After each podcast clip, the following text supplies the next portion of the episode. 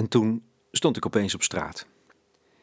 1 januari 2014, het is nu vijf jaar geleden. Tien jaar lang was ik in de watten gelegd als presentator van het NCRV-radioprogramma Casaluna. Tien jaar lang, één keer in de week, klokslag, middernacht, een goed gesprek met een illustere gast.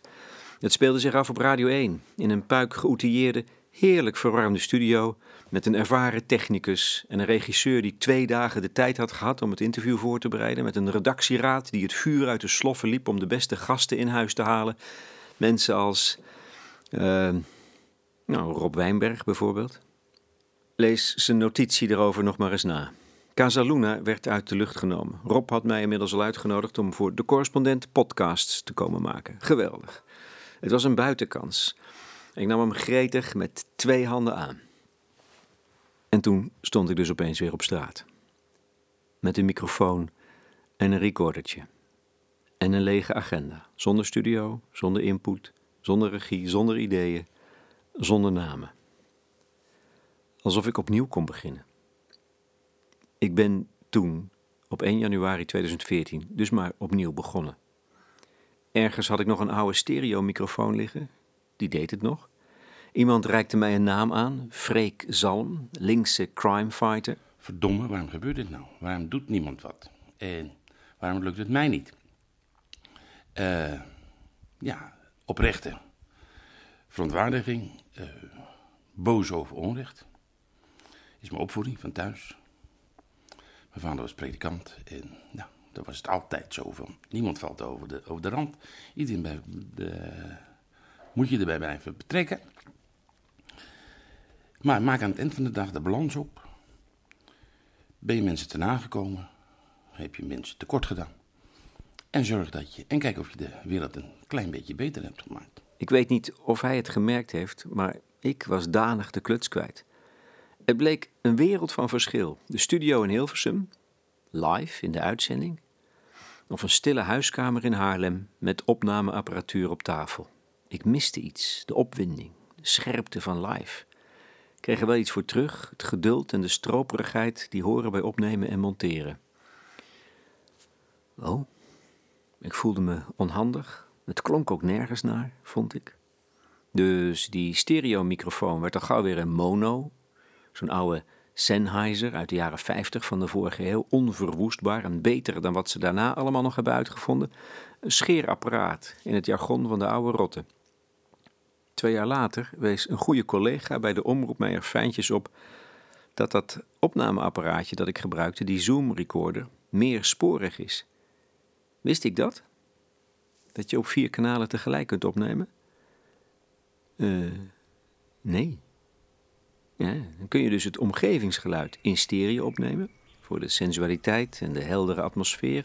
En met die Sennheiser het gesprek voor de directheid en de intimiteit. Stom dat ik daar niet eerder aan had gedacht. Sindsdien zweer ik bij deze combinatie. Kortom, ik ging met kleine stapjes vooruit. Diederik Rijpstra componeerde in opdracht een tune.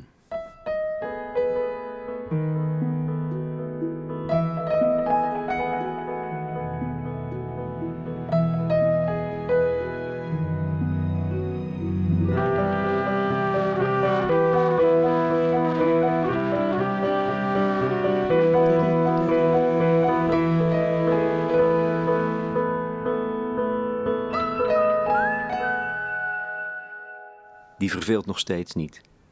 En het begon ergens op te lijken. Intussen maakte ik wekelijks een podcast. Ik herinner me die periode als een voortdurende race tegen de klok. Elke week een gast verzinnen, produceren, ontmoeten, monteren, tekst schrijven, publiceren. Het was stress. Het leek op paniek. Heb ik al iemand voor volgende week?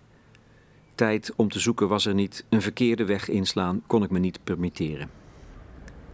Het waren de ontmoetingen die me op de been hielden. Oh, dit is niet te geloven. Dit is lekker.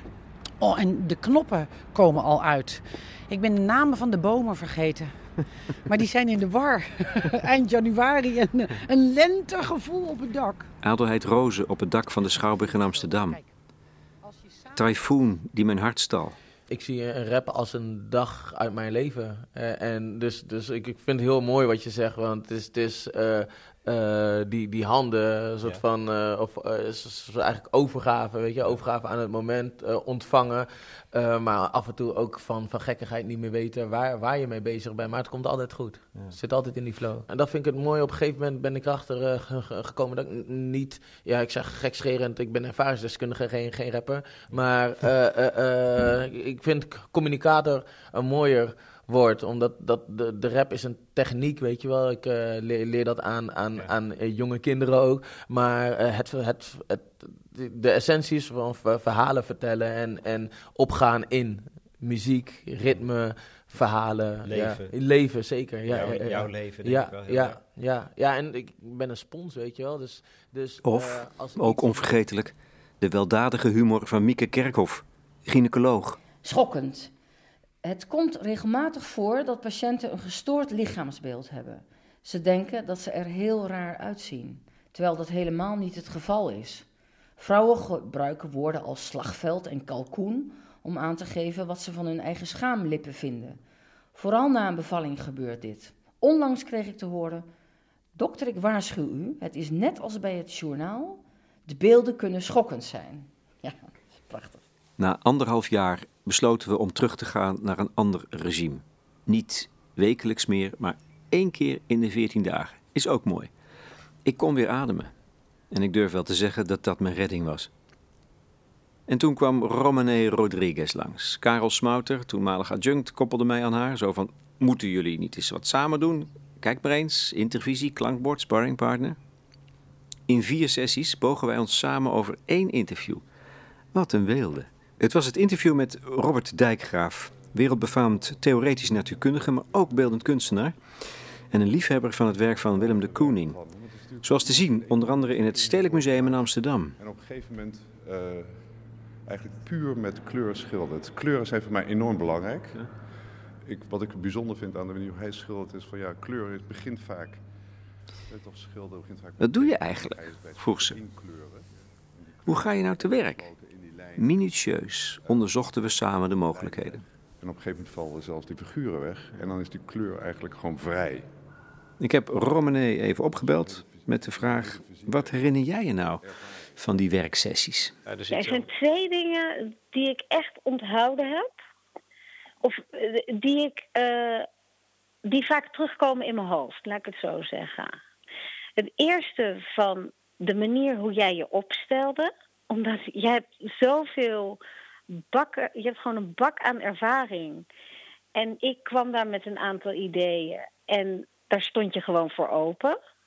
Nou, dat, dat vond ik iets. Dat ik echt dacht, wauw, daar kan ik echt heel veel van leren. Openstellen, weet je, voor- als je wil dat de dingen die je maakt beter worden, hoe je je dan het beste kunt opstellen. Maar het is toch vanzelfsprekend? Dat is ook zo, maar het is heel moeilijk. Niet iedereen wil leren. Heel veel mensen denken dat ze het weten. ja. Dus dat vond ik echt eh, heel bijzonder. Waardoor ik ook het idee had van, oh leuk, we kunnen het samen uitzoeken. Weet je, dat, dat geeft ook de rust om te zeggen van, hé hey, hallo, ik weet het ook niet precies, maar eh, we kunnen wel samen kijken. Dus dat vond ik er heel leuk Ja. aan. En het tweede was dat jij zei, oh, ik, ik was weer vergeten hoe leuk het was om radio te maken. Volgens mij heb je zoiets gezegd. Of iets van, oh, ik heb mijn plezier in, in Ja. editen teruggevonden. Of een plezier in van waarom ik het doe. Of hoe ik het doe. En dat, eh, dat is me ook bijgebleven. Ja, dat- Juist door weer even los te komen van wat je altijd deed. En we zochten uit hoe het zat met de rechten voor muziek. Het kon. We kochten ze af bij Buma Stemra. Gaaf, de speelgoedwinkel ging open. En vanaf dat moment, na ruim twee jaar ongeveer, heb ik mijn vorm gevonden, denk ik. Kijk, als mens zitten we natuurlijk enorm gevangen. Ook in de werkelijkheid, in onze fysieke omhulsel. Eh, maar we hebben een geest die eh, zijn vleugels kan uitslaan. En kunst doet dat eigenlijk. Die, die, die, laat het is eigenlijk een enorme overwinning. Het is een overwinning. Het is, eh, ik voel ook van ja, je, je kan in de natuur staan en je, je kan die natuur ervaren. Maar dat is,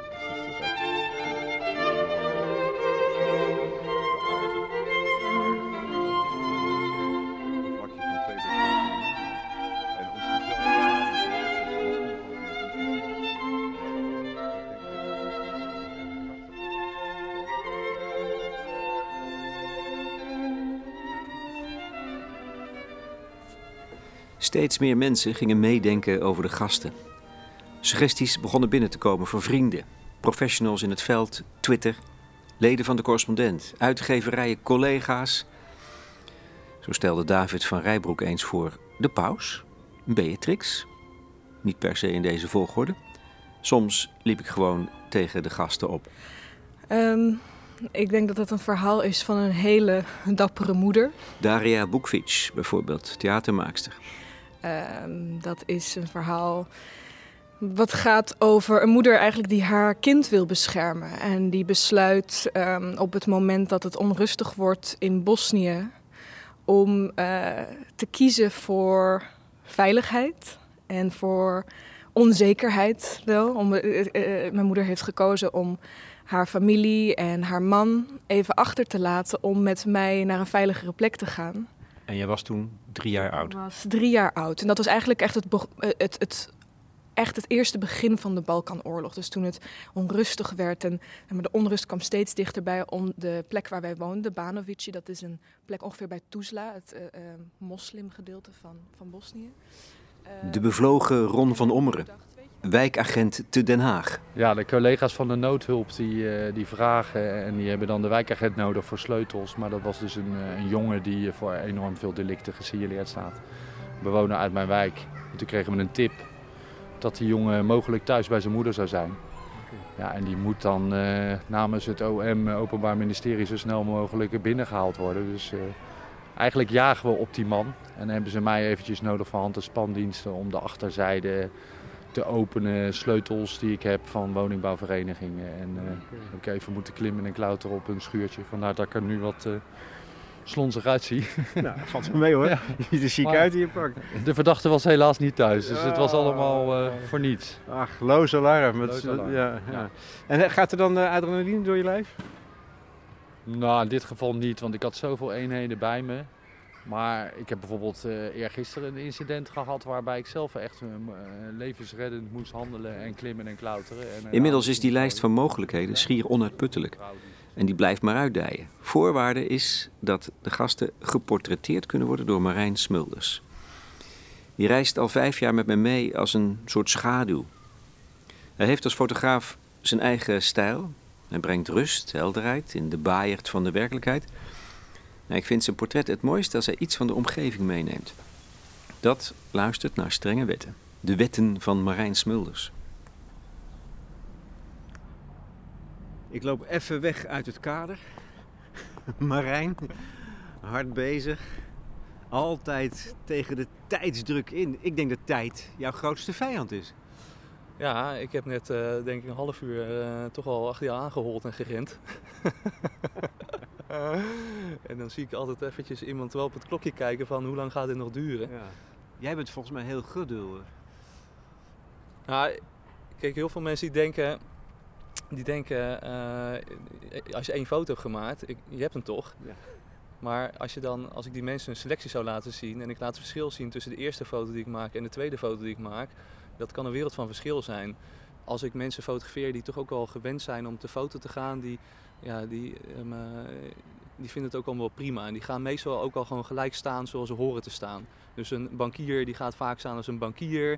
Een theatermaker gaat staan als een theatermaker. Een interviewer gaat uh, staan als een interviewer. Dus dat zit er meestal wel in. Dus ik hoef niet per se een masker te laten uh, vallen. Want ik vind op zich spanning in beeld, het mag voor mij echt wel inzitten. Dus ik, hoef ook niet, ik doe ook niet mijn best om mensen per se gerust te stellen van tevoren. Uh, en dat doe ik ook bewust, want ik denk namelijk een beeld waar wat spanning in zit. Dat is interessanter voor mensen om naar te kijken dan, uh, dan dat als dat er niet in zit. Ik maak eigenlijk van tevoren eigenlijk altijd een setting en daarin plaats ik die mensen. Dus ik heb eigenlijk van tevoren heb ik eigenlijk al het beeld bepaald. Dat is dan eigenlijk mijn beeld. En dan die persoon speelt daar nog een bepaalde rol in. Dus het klopt wel wat je net zei van je maakt uh, theatrale settings. Dat doe ik ook. Dus ik heb een setting en daar komt die persoon die speelt daar dan een rol in. En dan probeer ik altijd, dat is eigenlijk denk ik hetzelfde een beetje wat jij ook met je interviews doet. Het mooie is natuurlijk als, je, ja, als er iets gebeurt, iets onverwachts gebeurt, uh, waardoor het even stil is.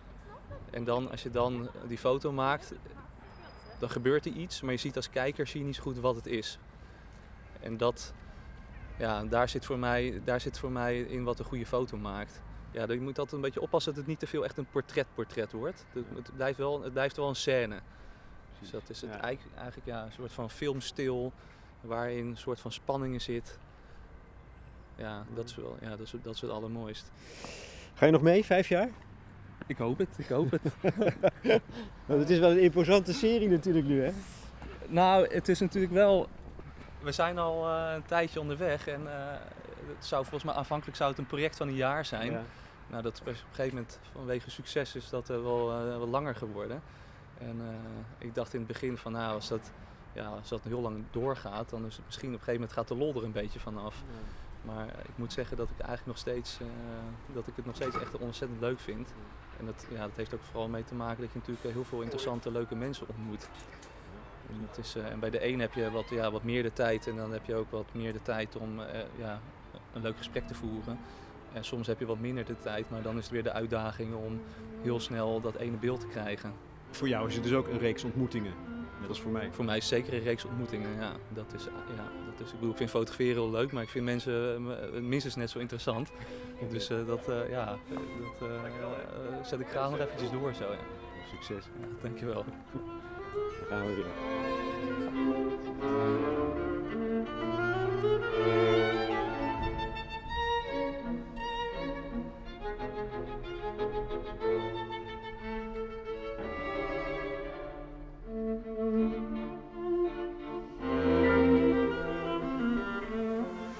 Het is een divers palet aan het worden. Experts, kunstenaars, jonge mensen, gewone Nederlanders, van onbekend tot zeer bekend, zwart en wit, van heinde en verre of gewoon om de hoek.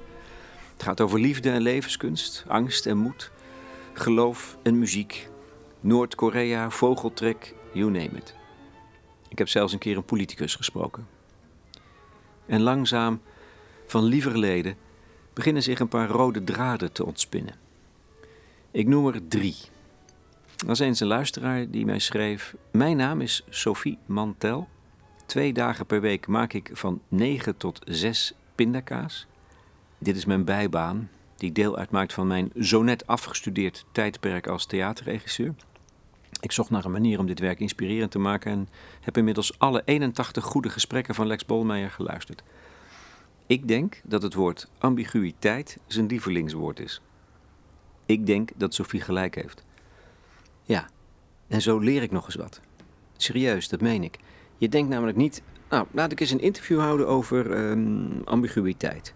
Veel te abstract. Maar gaandeweg blijkt het gevoel voor dubbelzinnigheid zich aan mij te hebben opgedrongen als een diepe drijfveer. Zo werkt dat dus ook, interviewen. Het is een middel om jezelf beter te leren kennen.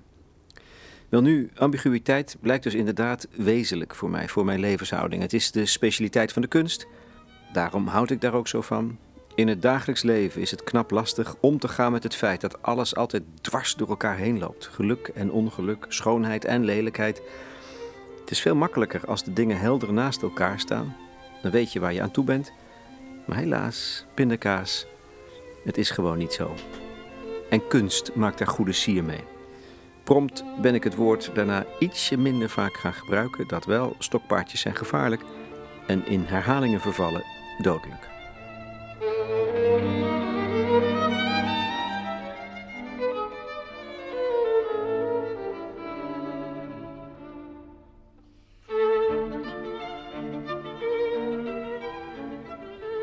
Nog een woord.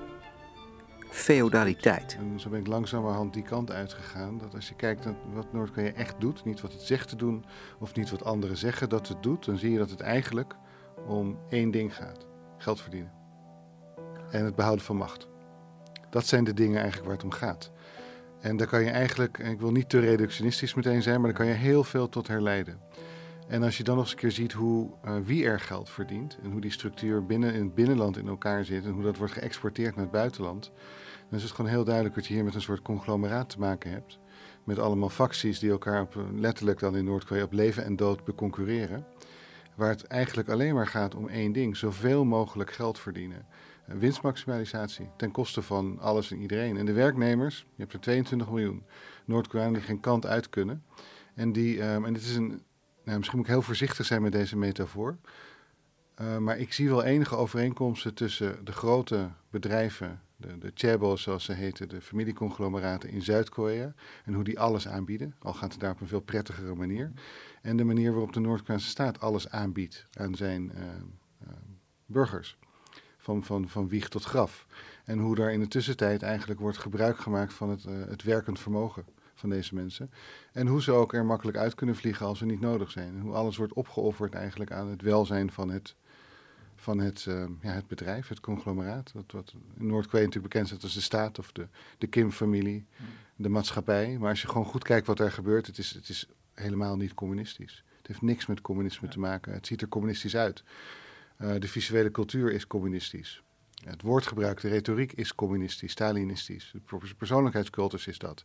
Maar de activiteiten, dan kan ik maar tot één conclusie komen, is dat Noord-Korea extreem kapitalistisch is, op een, primitieve manier. Er zijn allerlei bedrijven die uh, bijna op een feodale manier worden uh, verdeeld of zijn verdeeld tussen de, de grote families. Remco Breuker, hoogleraar Korea-studies. Ik hing aan zijn lippen en ik niet alleen. Het is de best beluisterde podcast in vijf jaar. Vanwege zijn inzicht plus dat vermogen om er een aanstekelijk verhaal van te maken. Maar goed, ik heb het woord feodaliteit vaker laten vallen. En eigenlijk werd het dan steeds beaamd. Wij leven in een feodale tijd. Het is de uitkomst van het grote neoliberale project. Er is tegenwoordig nog een handjevol stinkend rijke mannen die in een eigen wereld leven en die de dienst uitmaken. En de rest van de wereld is horig aan hen. Die groep slinkt bovendien. Macht en geld hebben de neiging om zich te concentreren. Ik vind het schokkend om te beseffen dat dat gebeurt onder onze ogen.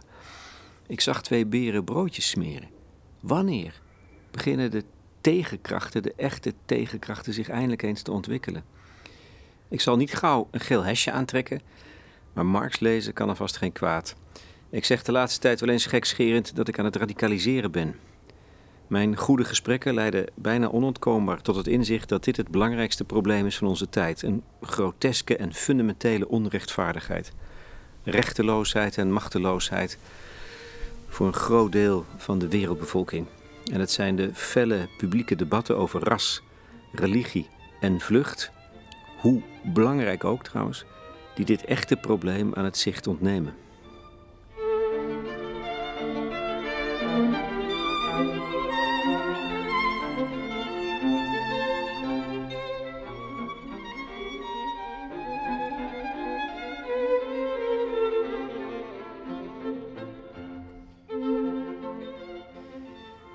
Ten slotte drie, individualisme. Vergis ik mij of komt dit het vaakst aan de orde in de ontmoetingen die ik had? Ik ben het geloof ik steeds meer als een soort ziekte gaan beschouwen. Onze rijkdom en welvaart lijken als vanzelf te leiden tot de overtuiging dat wij het wel in ons eentje af kunnen. Je kunt tenslotte ook alles kopen, nietwaar? En middels internet ligt de wereld aan je voeten, beschikbaar.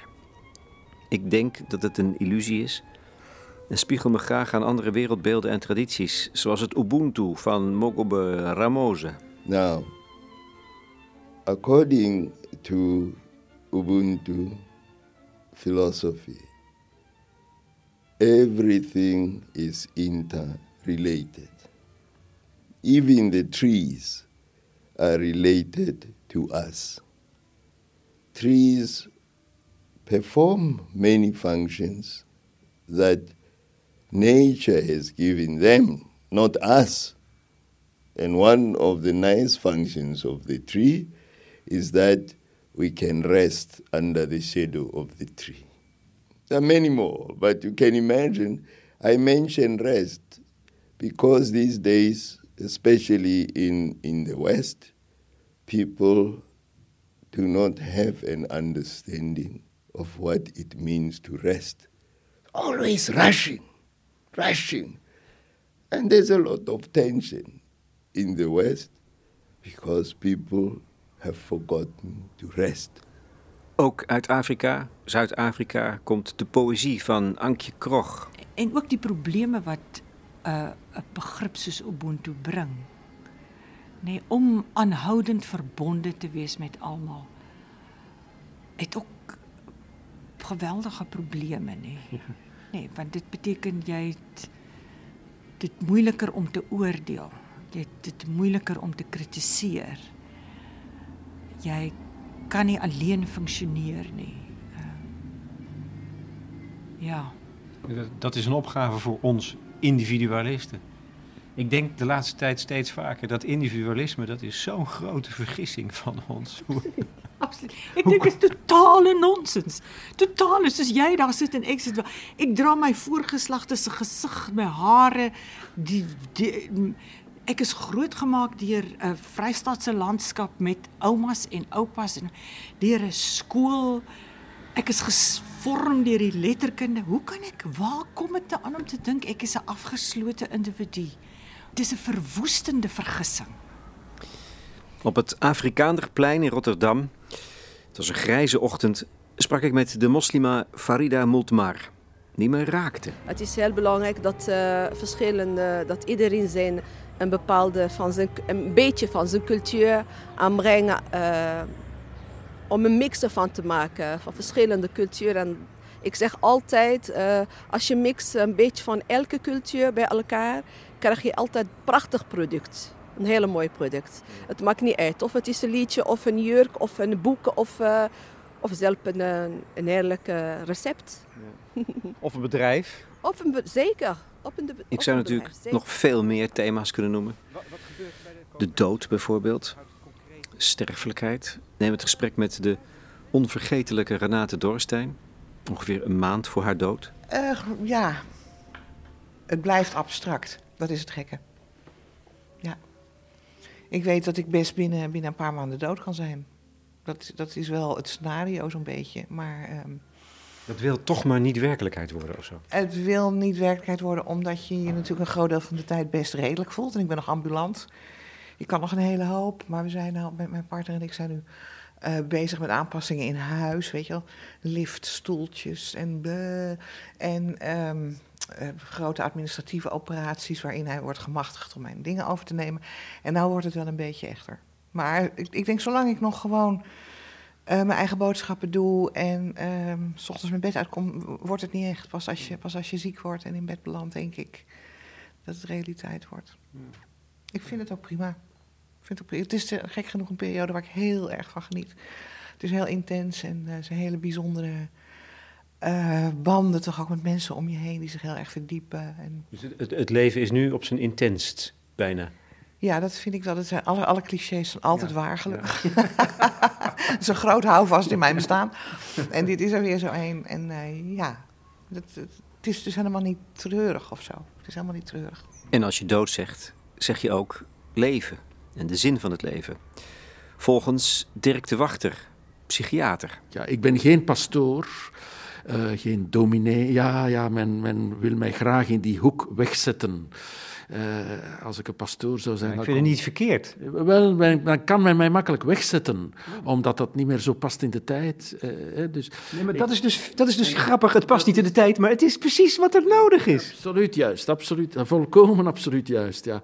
Maar de vraag past heel erg in de tijd. De antwoorden lijken daar niet meer in te passen. En dat wil ik problematiseren. Ik wil zeggen van kijk, we hebben heel het religieuze kader uh, opzij gelaten, een stuk terecht door al de, de sterk hiërarchische structuren, door al die dingen die, die helemaal achterhaald en uitgehold waren, zeker. Hè? Maar we hebben het kind met het badwater weggesmeten. Rituelen, uh, zingevende momenten, verbindingen, samenlevende uh, zaken die ons, die ons ja, sociologisch ook een gevoel gaven van, van, van samenhorigheid. Al die zaken zijn wat ik ben voorzichtig, dreigen teloor te gaan. Laat mij voorzichtig zijn. Ik, ik, wil ook geen apocalyptisch denker zijn. Het is heel moeilijk, blijkbaar, om in de media genuanceerd te blijven. Ofwel wordt men als een soort van onnozele, neoconservatieve, uh, religieuze pleidooier gehouden. Ik gebruik altijd nieuwe woorden. Hè. Ofwel uh, voor een apocalyptisch denker die zegt van het leven is helemaal naar de knoppen, het is gedaan, het kan niks meer. Ik wil vragen stellen in de hoop dat mensen gaan nadenken. Dat doe ik in mijn praktijk overigens ook. En dat dat nadenken, dat is eigenlijk zelf al de zin. Hè? Mensen die zoeken van wat is dat hier. Maar als ik eerlijk ben, het gaat mij minder om dat ene gesprek dat uitzonderlijke interview, die prachtige ontmoeting. Nee, wat mij ten diepste ontroert is de reeks. Ik zie deze serie goede gesprekken, en het zijn er inmiddels al 165, als een aaneenschakeling en een magnifieke verbeelding van het besef dat we inderdaad niet alleen staan, maar onderdeel uitmaken van een groter verband, als schakeltjes in een oneindige keten. Dat is de kern van mijn wereldbeeld en raakt voor mij aan de zin van het leven. Is in ieder geval de mooiste manier om erover te spreken, als een verbonden zijn. Dat we zeggen, het is geven en nemen. Het is zoals elk goed gesprek. Zo langzamerhand krijgt deze alleenspraak het karakter van een nieuwjaarstoespraak. Nou ja, vooruit maar, mijn zegen heb je. Maar het is nog lang niet afgelopen. Hè? Vandaag begint de volgende vijf jaar. Met nieuwe, aansprekende, hoopgevende, inspirerende mensen. Ik heb het plan om wat vaker in series te gaan werken. Zoals ik dit jaar voor het eerst deed met het onderwijs. De zorg leent zich daar goed voor, denk ik. En ik ga iets heel spannends doen, binnenkort al, op zondag 13 januari om 1 uur in de middag. Voor het eerst zal ik een podcast live opnemen. En wel in het Theater aan het Spui in Den Haag. In aanwezigheid van publiek. Jullie kunnen daar dus bij zijn. We hebben een speciale setting bedacht. In het midden van zaal 2 staat een tafeltje. Twee microfoons, een schemerlamp. Om ons heen heerst de schemer, het halfduister. Er staan lichtstoelen, je kunt achteroverleunen en je overgeven aan de intimiteit van het luisteren. De vreugde van een goed gesprek. Het is vlakbij. En alleen voor jou.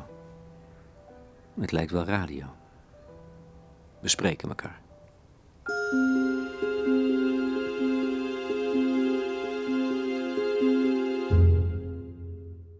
Lex Bolmeijer. In gesprek met Lex Bolmeijer.